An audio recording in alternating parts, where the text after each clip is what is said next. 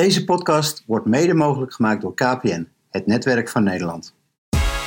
Zolang als ik in het buitenland kom, dan vallen in eerste instantie twee namen. Dat is Cruijff en dat is eh, Rembrandt.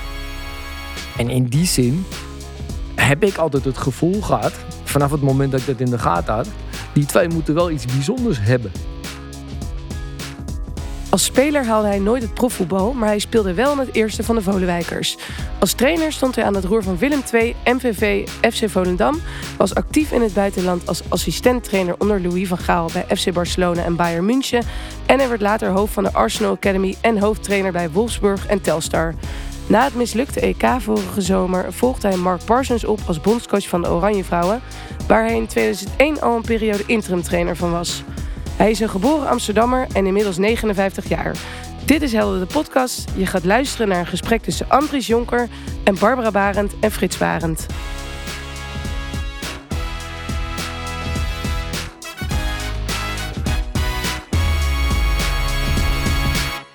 Welkom Andries Jonker. We zitten hier in een ehm, prachtige plek achter het Rijksmuseum of achter de nachtwacht in het Rijksmuseum. We hebben net een, eh, een rondleiding gehad en jij zei ik wil specifiek naar de nachtwacht. Kan je me vertellen waarom? Ja, er zit wel een, eh, een verhaal aan vast. Ehm, ik ben eh, ooit begonnen als gymnastiekleraar in het Amsterdamse onderwijs. In het, uh, gewoon het normale onderwijs en het speciaal onderwijs. En een van mijn laatste scholen was de Sterrenhoven in Amsterdam over, Veld. Daar weet ik nog dat we 123 kinderen op school hadden, waarvan 118 met een Marokkaanse nationaliteit en vijf kinderen die wit waren, die waarschijnlijk Nederlands waren. En op een gegeven moment moest ik bij de directeur komen. Niet even informeel, maar er moest een afspraak gemaakt worden. Op zijn kantoor komen, zitten, of een koffie wou drinken. Hij schoof wat heen en weer op zijn stoel. En toen, uh, ja, hij had een vraag aan mij. Ja, zeg het maar. Hij zei, ja, je bent een sportman uh, en ik wil je vragen of je wat anders zou willen doen voor de school. Dus ik keek een man van, ja, waar gaat dit over? En toen kwam de aap uit de mouw um, dat hij graag wilde dat ik met groep 8 meeging. Acht weken lang naar museumles. Want hij wist niet zeker of de mensen die die kinderen begeleiden... die kinderen wel in de hand zouden kunnen houden. En ik was degene binnen het team waar hij dan echt het allergrootste vertrouwen in had... dat ik dat voor elkaar zou kunnen krijgen. En ja, er was zeven weken lang niks gebeurd. En nou, we hadden een gids elke week. En, en die man die legde uit hoe die nachtwacht in elkaar zit, wat vandaan komt, wat het idee is, wat er zo bijzonder is. En zo'n jongetje, ja, zo'n vier rijen achter een touw, stond toen een touw om de nachtwacht. En opeens dat jongetje gaat met een, met een razendsnelle beweging onder het touw door. Ja, en ik grijp hem in zijn nek. Ga je doen? Ja, en toen bleek dat, dat ik niet de enige was die oplette. Er kwam van alle kanten beveiliging aan, uh, aanrennen. En er ging een alarm af. En uh, ja, op consternatie, jongetje huilen. Nou ja, goed, uh, niks gebeurd, want ik had dat jongetje wel in zijn nekvel. En ja, toen iedereen weg was, heb ik hem gevraagd op de weg terug naar school: van, wat ging je nou doen? Hij zei: Meester, dat kan niet geschilderd zijn. Ik wou voelen of het wel geschilderd is, want die meneer zei: het was geschilderd, maar dat kan niet. Ja, dat was de reden. En ja, het is natuurlijk voor mij wel een hele bijzondere herinnering. Dus toen je vroeg van welke schilderij heb je de meeste herinnering? Ja, met afstand de nachtwacht. Want ja, dit was, het was 1985 of zoiets, 86, in de 80 jaren. Ja, ongelooflijk wat ik toen heb meegemaakt. Dat, dat ventje onder de taal door en hele, hele alarm uh, hier uh, in rep en roer, het hele museum. Alarm ging af. Dus ja, dat is mooi. En snapte je dat hij wilde gaan voelen als jij zo weer het schilderij ziet en de uitleg die je dan krijgt? Ja, dat, dat snap ik zeker wel. Dat snap ik echt wel. Want, want ja, het is natuurlijk onvoorstelbaar wat, wat die schilders, Rembrandt voorop, toen gepresteerd hebben. Hè? En, en als je kijkt, als je, vooral als je de uitleg krijgt, ja, hoe hebben ze het voor elkaar gekregen? Ongelooflijk. En uh, ik kan me heel goed voorstellen dat zo'n ventje heeft gedacht van ja, dit kan niet. Ik word in de niet genomen met dit verhaal. Ja. ja, want we hebben net ook even, we hebben een beetje een rondleiding gehad. En nee, bij sommige details heb je ook bijna zelf het gevoel, ik wil aanraken hoe dat nou zit, toch? Nou ja, wat, wat, wat mij heel enorm uh, intrigeert is dat, dat als ik dichtbij uh, uh, zo'n schilderij kom, dan, dan zie ik een aantal klodders. Waarvan ik denk van ja, wat is dit dan? En als je dan wat verder weg gaat staan, dan zie je wat dat betekent. En, en wat, wat het andere, eh, ja, wat ik, wat ik elke keer weer. Toen heb ik dat geleerd, want we hadden elke week een gids mee. Dus ik heb dat toen geleerd van, ja, je moet eigenlijk een gids mee hebben. Want je ziet het gewoon niet. Je bent zo blind als ik weet niet wat. Je, je ziet niet wat er is geschilderd. En die mensen maken je attent op details die het schilderij betekenis geven. En zou je Rembrandt met een voetballer eh, willen of kunnen vergelijken? Ja, ik, ik weet niet hoe het andere Nederlanders vergaat. Maar als ik in het eh, buitenland eh, kom. eh, ja, zo oud, zo, zolang als ik in het buitenland kom. Dan vallen in eerste instantie twee namen. Dat is Cruyff en dat is Rembrandt. En in die zin heb ik altijd het gevoel gehad. Vanaf het moment dat ik dat in de gaten had. Die twee moeten wel iets bijzonders hebben. En ik denk dat, dat ja, het woord genialiteit. Eh, de uitzondering op de uitzondering. eh, ja, dat dat van toepassing is op beide unieke mensen. Met uniek veel kwaliteit op hun vakgebied. En op een of andere manier is dat door de wereld erkend. Want we zijn natuurlijk ja, een piep, piep, piep klein landje. En, en, en toch weten de mensen op Barbados, die gaan mij vertellen dat Cruijff echt de beste was. Denk, Barbados, dat is helemaal geen voetballand. En dan ben ik dan een paar jaar terug. En het eerste beste wat die taxi vraagt, de taxichauffeur vraagt is, waar kom je vandaan? En begint eh, te ratelen over Cruijff. Ja, ik vind dat fenomenaal. Dat is zo mooi. Heel mooi. We hebben een aantal fragmenten voor je. Eh, ben je klaar voor de eerste? Ja, roep maar. Beste Andries, het begon als spelertje van het Blauwe Zand bij de Volenwijkers in Amsterdam-Noord. Als trainer zette je je carrière bij het jeugdplan van de KVB afdeling Amsterdam voort. Bij Ajax hebben we elkaar leren kennen. Dat was wel even wennen. Als trainer werkten we alle twee bij Willem II. Daarna ging je onder andere naar Volendam en MVV. De Volenwijkers heb je gereanimeerd en de Witte Leeuwen kunstjes geleerd. En nu dompteur bij de Oranje Leeuwinnen, die jou vast gaan beminnen. 4-3-3 of 5-3-2, Lieke of Esmee, jij weet er altijd wel raad mee. Veel succes namens Grijs Groen-Wit. Ja, een verlaat Sinterklaasgedicht van Co Adriaanse. Ja. Vind ik wel heel mooi. Een kippenvel. Vind ik mooi. Dat hij eh, die moeite doet. En dat vind ik een, eh, bijzondere man. Eh, ja, Amsterdam-Noord, net als ik. Eh gymnastiekleraar, net als ik. Eh, eigenwijze vent, net als ik. En een Volenwijker, net als ik. Er zitten een aantal overeenkomsten in ons. En eh, kunnen heel goed met elkaar opschieten.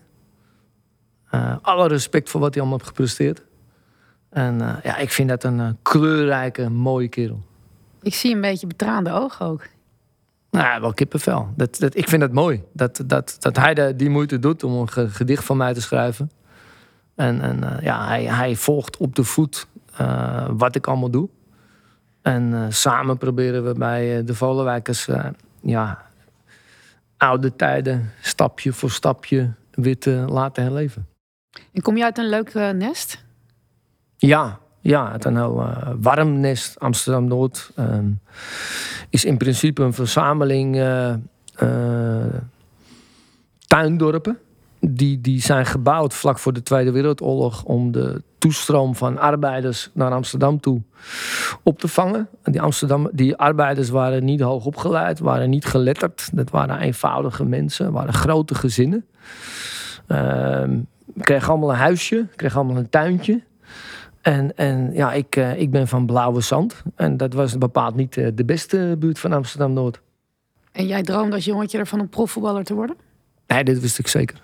Oh, dat wist je zeker. Dat wist ik 100% zeker. Dat dat ging gebeuren. En ja, toen ik een jaar of 17 was, eh, ging ik naar Volendam. Dan ging ik in het toenmalige C-team spelen.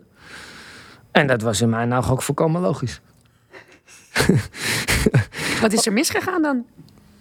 Ja, dat, dat was toen al echt Volendam. Hè? Toen had je nog eh, eh, vijf jongens van buiten Volendam. Vijf jassen die mij mochten doen. En eh, Fred André was de trainer. Henk Ellens was de hoofdtrainer. Nou, door Henk Ellens ben ik naar, naar Volendam gegaan. Dat is ook een Volenwijker. Die, met zijn zoon heb ik jarenlang gespeeld. Dus die kende mij als voetballertje.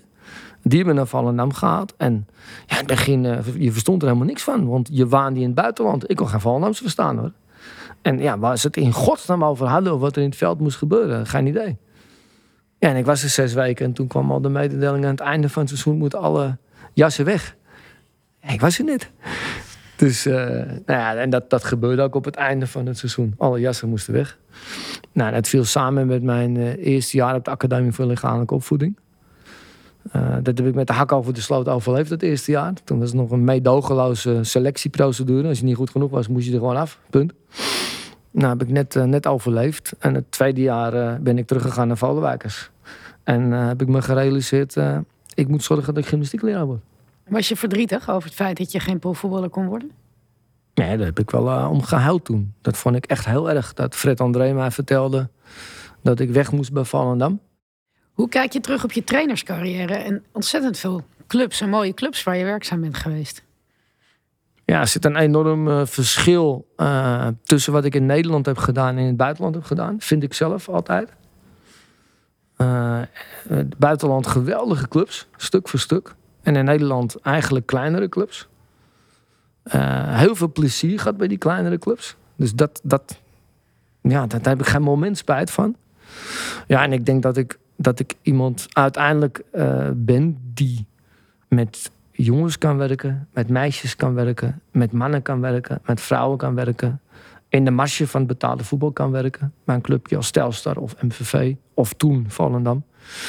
Maar ook in de, in de wereldtop kan werken. En uh, ja, dat duidt op een soort van aanpassingsvermogen. En ja, op deze leeftijd kan je dat wel plaatsen. Hè. Ik kom van Blauwe Zand, eenvoudig. Maar ik ben wel in de grote wereld terechtgekomen. En heb me daar aan moeten passen.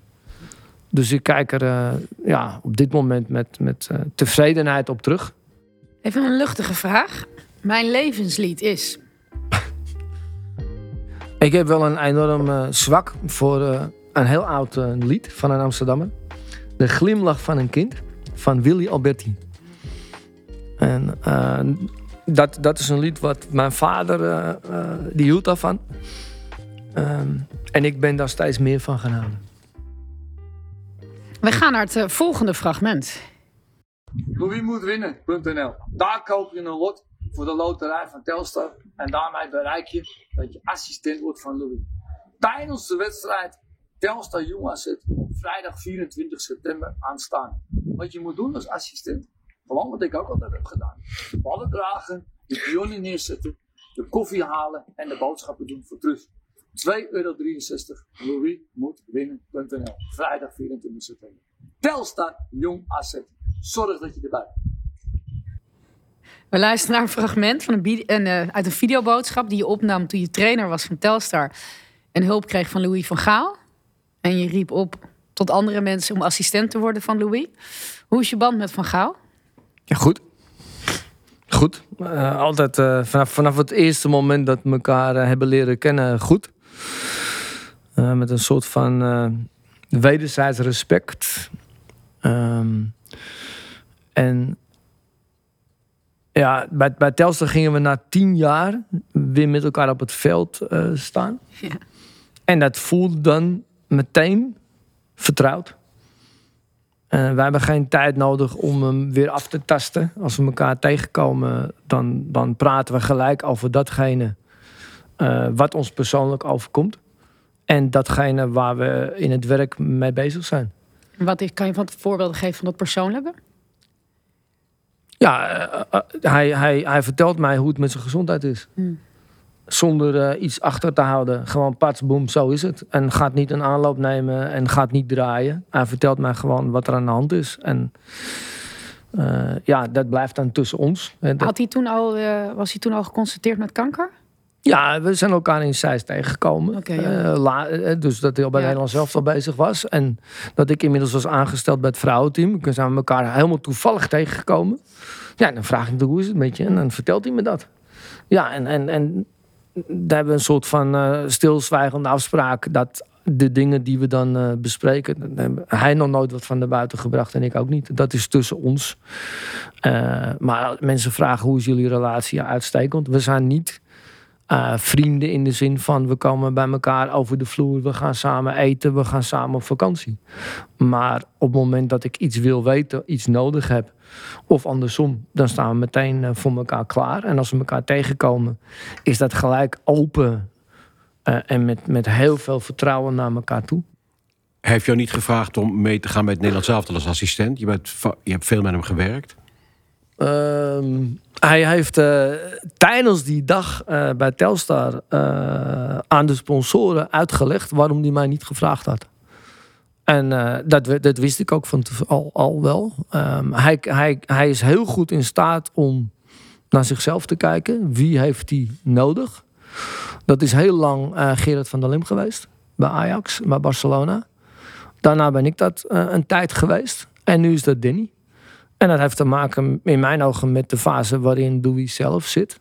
En hoe hij inschat uh, dat, dat, dat, dat je als team kunt functioneren. En hij legde uit uh, aan de mensen van Telstar uh, destijds. en dat was ik helemaal met hem eens, dat hij en ik dezelfde kleur zijn. op in een aantal situaties exact hetzelfde reageren. Um, en dat hij op dit moment beter vindt dat er iemand naast hem zit die dat op een andere manier doet. En met name op een uh, relaxtere, rustigere, vriendelijke manier doet. Uh, hij gaf het voorbeeld als een speler te laat komt, ja, dan ketsen wij erop. Hoezo ben je te laat? Ja, dat kan je ook anders doen. En ja, ik, ik, ik begrijp dat wel. Dus ik was niet verbaasd en ik kan me, kon me volledig voorstellen dat hij dat deed. Dus prima. En hoe kijk jij terug op het Nederlands elftal bij het wereldkampioenschap voetbal? Er is veel kritiek op het Nederlands elftal. Ruud Gullit, Telegraaf, ja. Van Basten op televisie. Ja, is, is natuurlijk... Wij, kijk, wij zijn een heel, heel bijzonder volk. Um, in die zin dat we twee dingen willen. Wij willen uh, winnen. Uh, maar wij willen ook um, attractief voetbal spelen. En ik denk dat dat in onze botten zit. Dat dat is ontstaan in de jaren zeventig bij het, uh, het, het, het, Ajax van Michels. Wij denken met dit piepkleine kikkerlandje en te kunnen winnen en geweldig voetbal te kunnen spelen. Ja, dat is maar de vraag of dat altijd kan. Ik, ik zie in deze lichting spelers geen Rijkaard, geen Gullit, geen Van Basten, geen Vanenburg, geen Frank de Boer. Uh, geen Kluivert. Ik zie een heleboel spelers die, die in het verleden de verschillen hebben gemaakt. Die zie ik niet. Maar we vinden wel dat we moeten winnen. En we vinden wel dat we geweldig voetbal moeten spelen. Ja, ik denk dat Louis heeft geprobeerd om in alle realiteit te winnen. Nou, dat is niet gelukt. Heb je dan nog contact met hem? Zo'n periode voor of tijdens of na het WK? Ja, maar ik val hem niet lastig. Uh, ik heb hem uh, uh, na elke wedstrijd een, een korte app gestuurd. Ik weet dat hij niet de man is van lange verhalen. Ik ook niet, dus ik kom mooi uit.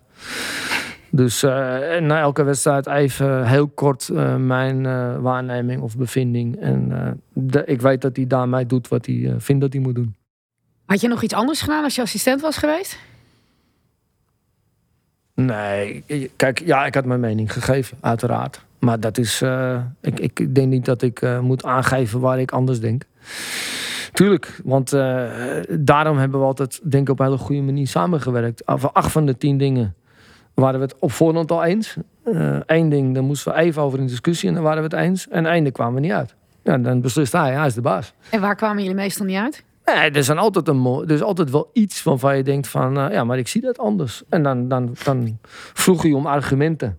En uiteindelijk deed hij dan toch wat hij vond. Ja, dat moet ook. Anders heeft hij niks aan je. Als, ik zoek zelf ook niet mijn tweelingbroer. Uh, want dan... dan, dan uh, ik, mijn eigen broer die werkt in de schoonmaak... en die zegt altijd... zonder wrijving geen glans. Ja. Nou, ik denk dat dat wel, wel zo is. Dus dat moet ook. Je moet ook af en toe uh, op elkaar lopen... en echt even discussiëren. Gaan we het volgende fragment. Andries, Daphne hier. Ik denk dat ik tien jaar oud was, spelend in het Noord-Hollandse elftal. Jij coach van Amsterdam, zo'n 30 jaar terug in de tijd. De tijd die jou overigens qua uiterlijk niet heeft aangeraakt. Je behoorde tot een groep jonge bedreven gasten die regionale meidenselecties onder de noemer Jeugdplan Nederland coachten. Coaches die voor ons enorm inspirerend waren. Ik ben pas echt in aanraking gekomen met jouw bevlogenheid als 13-jarig meisje bij Jong Oranje onder 16. Je hebt mij, of beter onze generatie, altijd aangesproken op onze eigen verantwoordelijkheid. Door vertrouwen uit te spreken naar speelsters en hen op hun kwaliteit en handelen aan te spreken. Je hebt speelsters toen de tijd laten inzien dat ze eigen waarde hebben. Geloof in eigen kunnen. Onze wegen zijn altijd gekruist. Ik heb je altijd gevolgd en ik weet dat je altijd betrokken bent gebleven bij de ontwikkelingen. Je bent een mooi mens, integer, energiek en bevlogen. Maar bovenal kun je als geen ander iemand een spiegel voorhouden. Deze generatie speelsters bij het Nederlands elftal hebben de massa om jou als bondscoach te hebben. Op naar een mooi WK. Succes en tot snel. Getekend Daphne Koster. Ja, weer kippenvel. Mooi. Ja, ik vind het mooi dat uh, zo'n meisje, want dat is natuurlijk uh, waar het begon.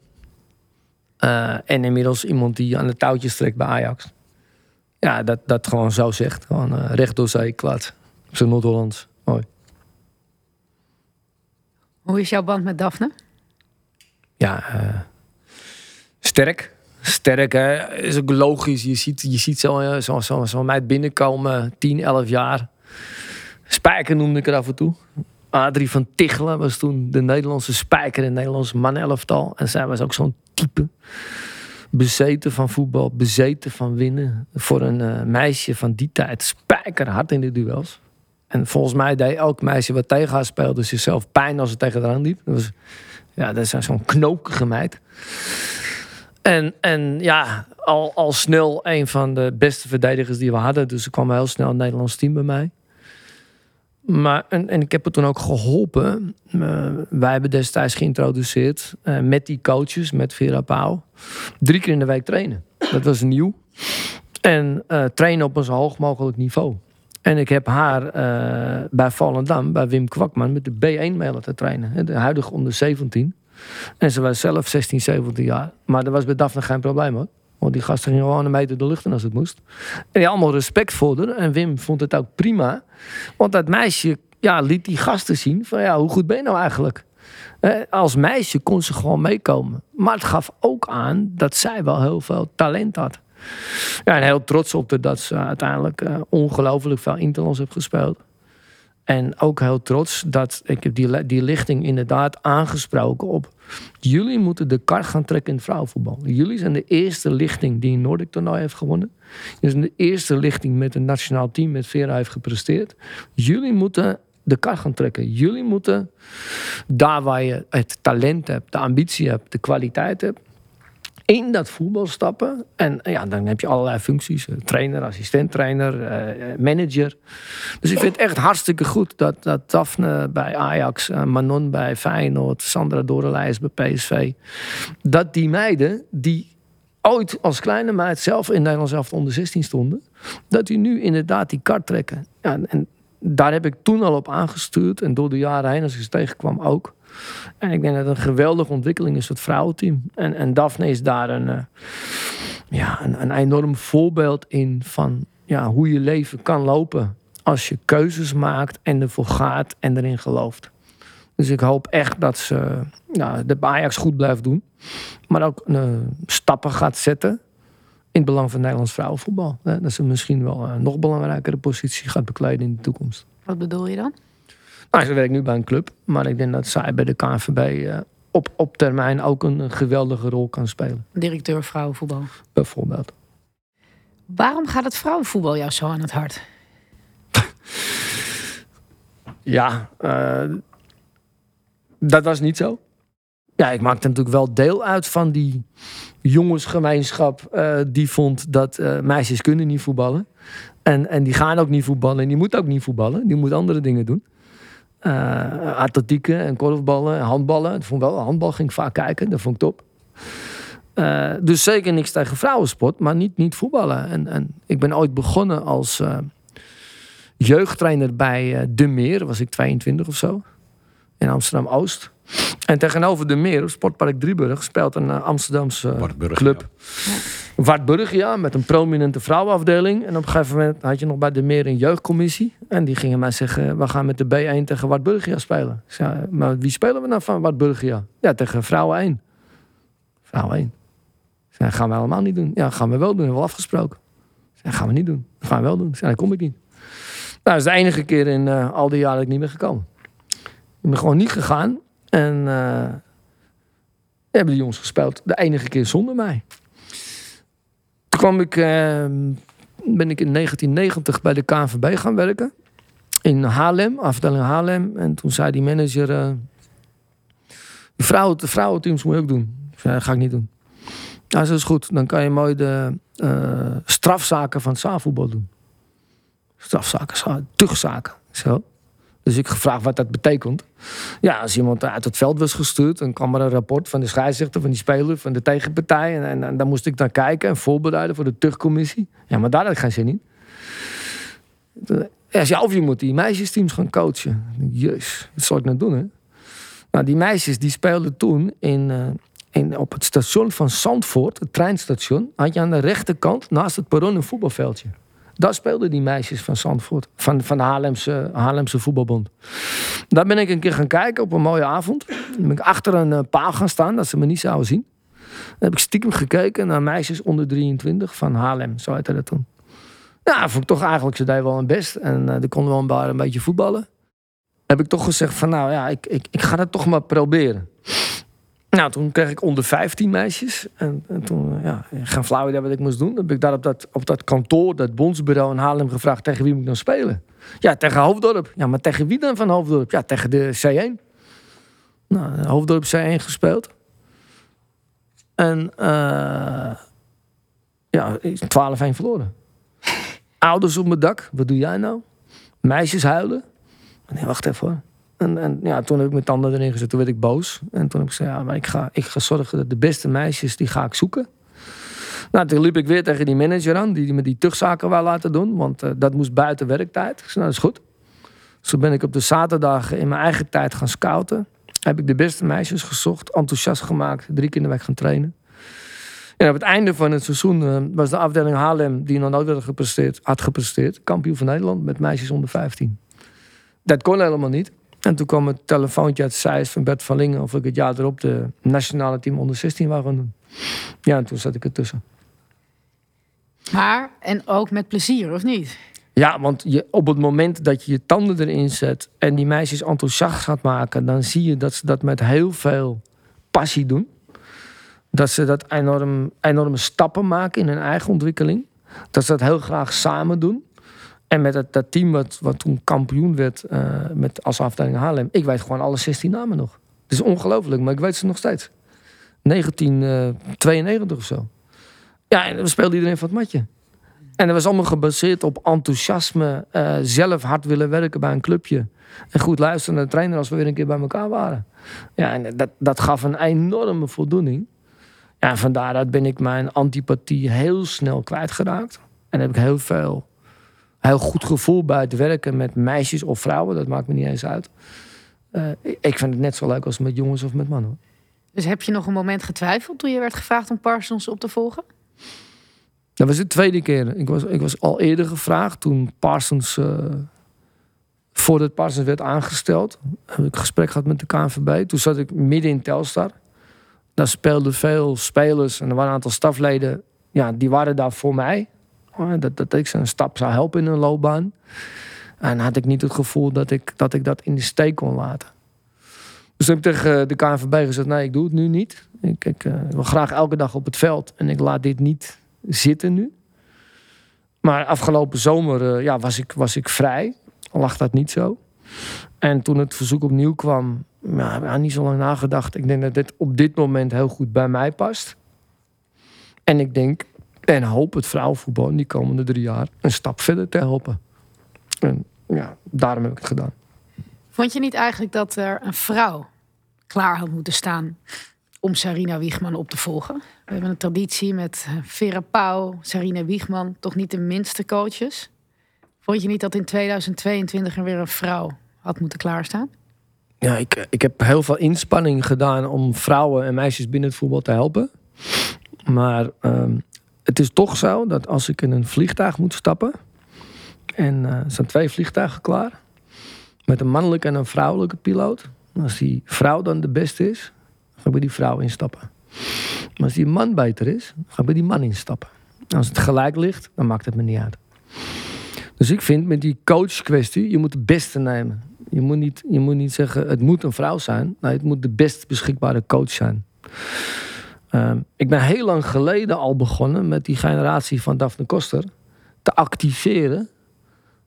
Realiseer nou na je loopbaan dat er enorme mogelijkheden liggen voor jullie. Nou, en, en, en nu moeten we doorpakken als, als bond, als voetballerij, maar ook die speelsters, in zich ontwikkelen naar een niveau dat zij de beste zijn. Want het gaat om de eerste plaats om, hebben mensen de ambitie? Zijn die er? En ik vind dat je als bond zou kunnen zeggen, van, en dat gebeurt bij mijn weten ook, je kan ook nog zeggen van, nou, jij hebt zo lang in het Nederlands team gespeeld. Of jij doet het zo goed bij je club. Kunnen wij jou een traject aanbieden? Nou, daar is de KNVB bij mijn weten mee bezig.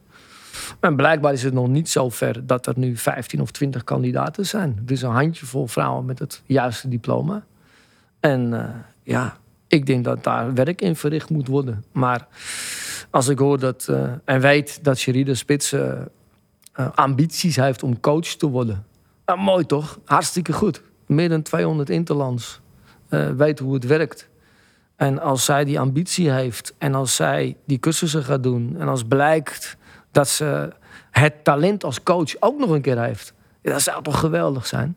Zoals Vera dat ook heeft gedaan, zoals Serena dat ook heeft gedaan. Nou, zo zijn er allerlei vrouwen die. Corine Dekker gaat nu cursus doen. Ik hoop van harte dat ze het hartstikke goed doet. We gaan naar het uh, volgende fragment. Een van jouw speelsters. Hoi trainer, Daphne hier. Um, we kennen elkaar pas kort, uh, maar daarom juist nog leuker om uh, binnenkort mooie momenten samen te beleven. er staat een mooi WK op, op, op, op, het pad, op ons pad.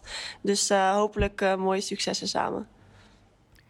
Daphne van Domselaar uitblinkster tijdens het EK. Omdat ze Sari van Veenendaal moest uh, vervangen. Mooi hè, die tekst. Ja, toch? Ja, ja. Nou, dit is Daphne zoals ik haar heb leren kennen. Uh, ik heb, uh, ben ooit begonnen toen ik bij de KNVB in Amsterdam werkte. met een stage bij Ajax. Dat is waar mijn relatie met Louis Vergaal vandaan komt. Uh, moest ik vanuit de cursus één keer in de twee weken naar Ajax om een training te bekijken. Maar het eindigde na een uh, pittig gesprek tussen Louis en mij mee. Dat ik in dat seizoen, volgens mij het seizoen uh, 96, 97, alle trainingen heb gezien naast de arena. Het was het eerste jaar in de arena, na de verhuizing uit de Meer. En ik heb alle trainingen, alle thuiswedstrijden gezien. Allemaal. Um, en Van der Sar was toen de keeper. Dus ik heb ook alle keepertrainingen van Frans Hoek met Van der Sar gezien. En die waren allebei in die leeftijd absolute top. Die Frans kon schieten met beide benen, was onvoorstelbaar. En die Van der Sar was zo waanzinnig goed. En elke keer als die Daphne zie, aan de Van der Sar van die tijd denken. Dus die zei ook niet zoveel. Maar als hij wat zei, werd er wel geluisterd. Was jong, waanzinnig talentvol, heel ambitieus. Ja, en deze Daphne, ja, daar, eh, heb ik hetzelfde gevoel bij, bij toen van de SAR. Ik stond daar echt uren te kijken.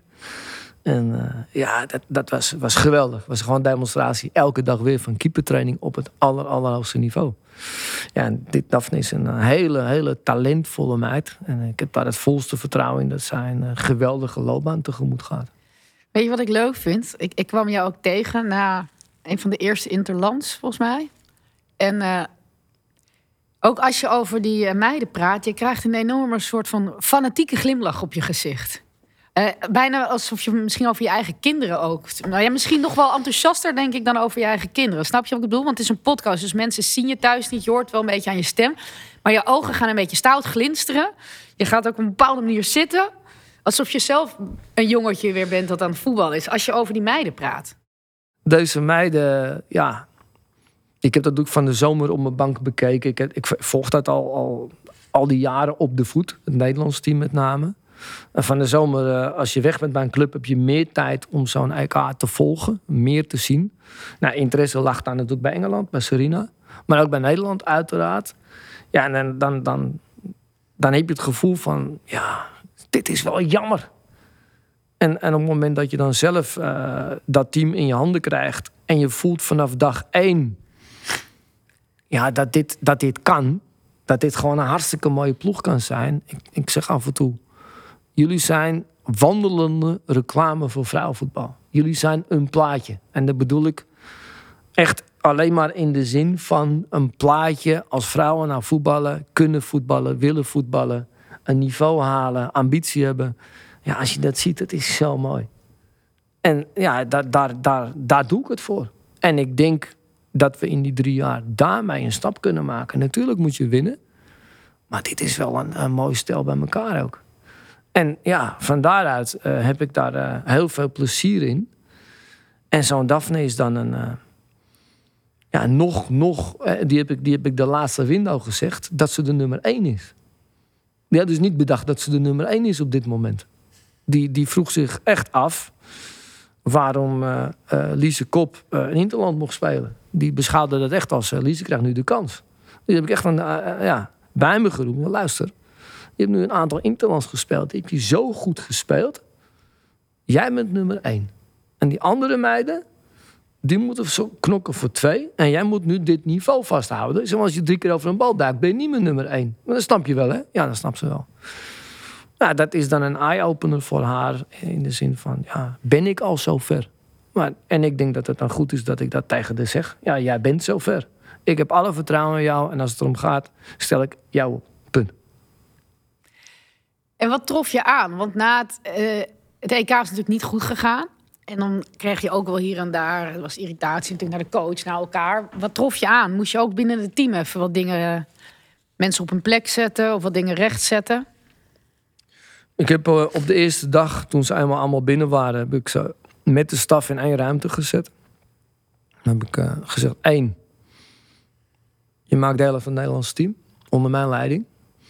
En volgens een heleboel clichés genoemd die bij alle trainers gelden. Je komt op tijd, je ruimt je spullen op. Eh, ja, allerlei dingetjes in disciplinaire sfeer die alle trainers graag willen, die alle onderwijzers graag willen, die alle directeuren graag willen. Nou, allemaal opgenoemd. Je maakt deel uit van het team. En als je dat niet wil, dan moet je niet weggaan. Dat betekende wel dat ze daarmee door niet weg te gaan, onderschreven van oké. En een van de dingen die ik ook heb genoemd daarbij is... we zijn met uh, 40, 50 mensen uiteindelijk. Er zal best een keer oneenigheid zijn, maar die blijft hier binnen de muren. Binnen de muren. En als er wat is, ga je met elkaar zitten. Als je niet uitkomt, dan roep je me erbij. Dan gaan we drieën zitten. En als het om meer gaat, gaan we met meer. Maar het blijft binnen de muren. Nou, dat heeft iedereen onderschreven. Dat, en het tweede was, ehm, je doet je uiterste best. Op het veld, maar ook buiten het veld. Je doet je uiterste best. Je probeert elke keer het beste van jezelf te laten zien, te geven. Als je dat niet wil, dan moet je nu weggaan. Toen ben ik gaan trainen. En dat was, uh, daar vlogen qua inzet de stukken vanaf. Er zat ook een stuk spanning op. Hè? Een nieuwe trainer. Er moest van IJsland gewonnen worden. Er moest gewonnen worden. Heel weinig tijd. Dus die, het niveau was helemaal nog niet zo hoog. Maar een enorme beleving en betrokkenheid. Nou, een paar dagen aangekeken. Niks gezegd over wat er was gebeurd in de zomer. Maar wel met alle ervaren spelers gesproken. En stuk voor stuk, individueel, onder vier ogen gevraagd... heb je de behoefte aan om terug te komen op datgene wat er gebeurd is. Nou, niemand behoefte aan. Dus ik ben er niet teruggekomen. En we zijn gewoon begonnen bij nul. En ja, de stukken vlogen eraf vanaf dag één. En eigenlijk was het veel belangrijker om aan te geven hoe dan winnen van IJsland. Want dat was de vraag, hoe dan? Nou, daar hebben we echt elke seconde in gestopt. Om, om dat, daar een idee voor neer te leggen. Daar hebben we tegen Schotland voor gebruikt. Om, om vooral het hoe duidelijk te maken hoe we dat nou voor elkaar zouden kunnen krijgen. Daar ging het om. En we hebben dus met nul woorden uh, geëvalueerd omdat die meiden aangaven, vooruit, vooruit kijken, kwalificeren, winnen. Daar gaat het nu om. Heb je nog wel eens contact met uh, Sarina Wiegman, die Europees kampioen werd met de ploeg in 2019, de finale haalde in 2000, van het WK, sorry, 2017 Europees kampioen, 2019 finale WK? Ja, dat is, dat is wel bekend, denk ik, hè, dat wij uh, goeie, goed bevriend zijn. Uh, ook niet samen op vakantie gaan, maar wel ook een, een uitermate vertrouwensvolle relatie hebben. Die al heel veel jaren stand houdt. Dus ja, we hebben regelmatig contact. Die wedstrijd tegen IJsland die was bloedstollend. En het lukte me niet, en het lukte me niet, en het lukte me niet. Ja, ja dit, kijk. Een van de mooiste wedstrijden die ik het afgelopen jaar gezien heb qua spanning. Ja, een derde keer verdacht, dat veel. Een derde keer kippenvel. Bij een ochtend. Ja, kijk, dat is het risico wat ik heb genomen. Want op het moment dat je niet kwalificeert voor die WK, dan, dan zit er een EK aan vast. Als je die al haalt. Want uiteindelijk ben je dan toch heel snel word je verantwoordelijk gehouden voor de staat van het team. Je moet winnen. En, en uh, nou, tegen Schotland al gespeeld alsof we tegen IJsland speelden. Dus, dus met maximale risico's vol op de aanval. Nou, tegen Schotland wonnen we in de 89ste minuut of zo. Wat wel belangrijk was, want dat, dat geeft toch een stukje vertrouwen. Van hé, hey, we kunnen er wel mee winnen met al dat risico wat we nemen. Ja, en tegen IJsland uh, werd er eigenlijk voortreffelijk gespeeld. IJsland heeft het op de EK hartstikke goed gedaan. Drie keer gelijk gespeeld, ook tegen Frankrijk. Ja, en, en dan loop je tegen zo'n tegenstander op... waarvan ik vind, dan moeten we van kunnen winnen. Maar je moet het nog maar wel doen. En dan gaat die bal er maar niet in. Veel publiek, 20.000 mensen in Utrecht, sfeervol. Uh, meiden hebben zich echt kapot geknokt. Ja, na, na, na een uur denk je, ja, ja spits erbij. Uh, Vivianne Miedema achter de spits. Dan speel je een soort van 4-2-4 voor die mensen die er tactisch dan volgen. 1-4-2-4, dus met vier aanvallers. En dat bombardement ging maar door, maar ging er maar niet in. Een kwartier voor tijd krijgen ze nog een kans ook, zeg. Jezus. had je het 0-1 gestaan. Dan had ik een plan B gemaakt. Ja, als het, dat wisten ze van tevoren. Heb ik alleen maar uitgelegd. Luister, als ze hem er niet in krijgen, dan gaan we drie spelen achterin. We hebben geen tijd om dat te oefenen. Ik leg het nu uit met die magneten. Als je het niet snapt, kom dan bij ons. Maar, maar, nou goed. Dus kwartier voor tijd uh, Stephanie van der Grachten in de spits erbij. Dus dan had je Stephanie en een spits en Vivianne erachter. Ja, en dan die ballen er maar in pompen. Nou, toen kwamen die voorzet ook nog niet aan. Jezus Christus, dat gaat fout. Blijft 0-0. Dus ja, langzamerhand leg je het toch bij neer van... ja, oké, dan moeten we het maar in de herkansing doen. En uh, ja, uiteindelijk ging het er toch in. En ja, dat is wel een van de mooiste sportmomenten, denk ik, van de laatste jaren. Ja. Dat, dat die vreugde na die goal, die zie je eigenlijk alleen maar op WK zelf. En niet bij kwalificatiewedstrijden. Maar dat stadion ontplofte, die meiden die sprongen op elkaar. En wat gaat het dan worden deze zomer? Jullie hebben best een zware loting met de VS. Ja, slecht, slechter kon niet. Nee. Slechter kon niet. Ja, dus je met, met Amerika de beste ploeg uit pot 1. En met de winnaar van uh, Portugal, Cameroen, Thailand de beste uit pot 4. Ja. Dus die loting die kon niet slechter. Ja, ik, ik denk uh, dat wij... Uh, als ik kijk naar de afgelopen zomer, dan vind ik echt dat Engeland, Frankrijk, Duitsland, Spanje beter waren. Ik denk dat je Amerika daar uh, blind bij kan zetten. Dus je bent zeker niet de beste van de wereld. Maar ik denk wel dat als je redelijk compleet bent en het team ontwikkelt zich de komende maanden, dat je wel van iedereen kunt winnen. Ja, en ik vind, je moet naar dat soort toernooien gaan als Nederland zijnde met dat besef. Wij kunnen van iedereen winnen. En uh, daar gaat het om. We gaan niet uh, op schoolreis. Nog even over het mental coach. Is dat wel veranderd? Veel van jouw spelers zijn ook open over mentale problemen. Vivianne Miedema, ook over angstaanvallen. Is dat iets nieuws? Dat je ziet dat dat echt belangrijk is, mentale begeleiding? Ja, je ziet dat, dat topsporters daar meer voor uit gaan komen. Uh, voetballerij is, is, natuurlijk heel lang een uh, ultra conservatief bolwerk geweest. Waarin de dingen gingen zoals ze gingen ten tijde van eh, de successen van de coaches. Want die coaches waren daarmee succesvol. Dus, dus of die spelers waren daarmee succesvol, werden later coach en deden hetzelfde. Maar in het kielzog van de maatschappelijke ontwikkelingen en de ontwikkelingen in andere takken van sport zie je ook in het voetbal een stuk openheid ontstaan over wat er, wat er benodigd is en wat er aan de hand is. En dat er steeds meer het besef doordringt dat uh, mentale begeleiding gewoon een onderdeel is van topsporttraining. En dat wil niet dat het, het besef steeds meer uh, doordringt dat je daarmee de prestatie kan verbeteren. En, en dat het niks te maken heeft met uh, spelers met enorme problemen helpen. Ja, in een groep van 50 mensen zijn er één of twee of drie met problemen. Ook bij topsporters, 100%. Maar voor het team gaat het erom dat, het, dat de individuen binnen het team en het team als zodanig beter gaan functioneren. Nou, en mijn overtuiging is dat een mentale begeleider daar een hele, hele goede rol in kan spelen.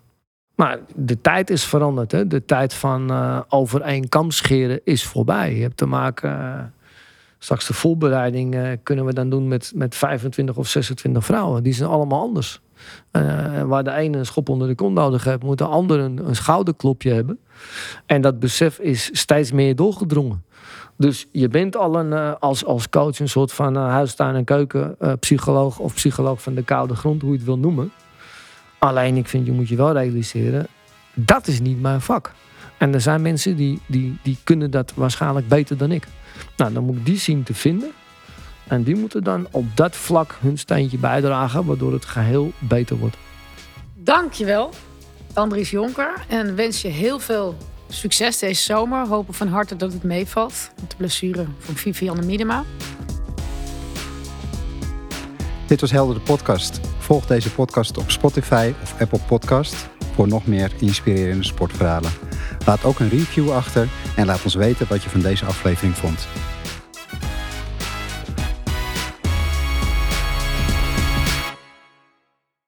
Deze podcast werd mede mogelijk gemaakt door KPN, het netwerk van Nederland.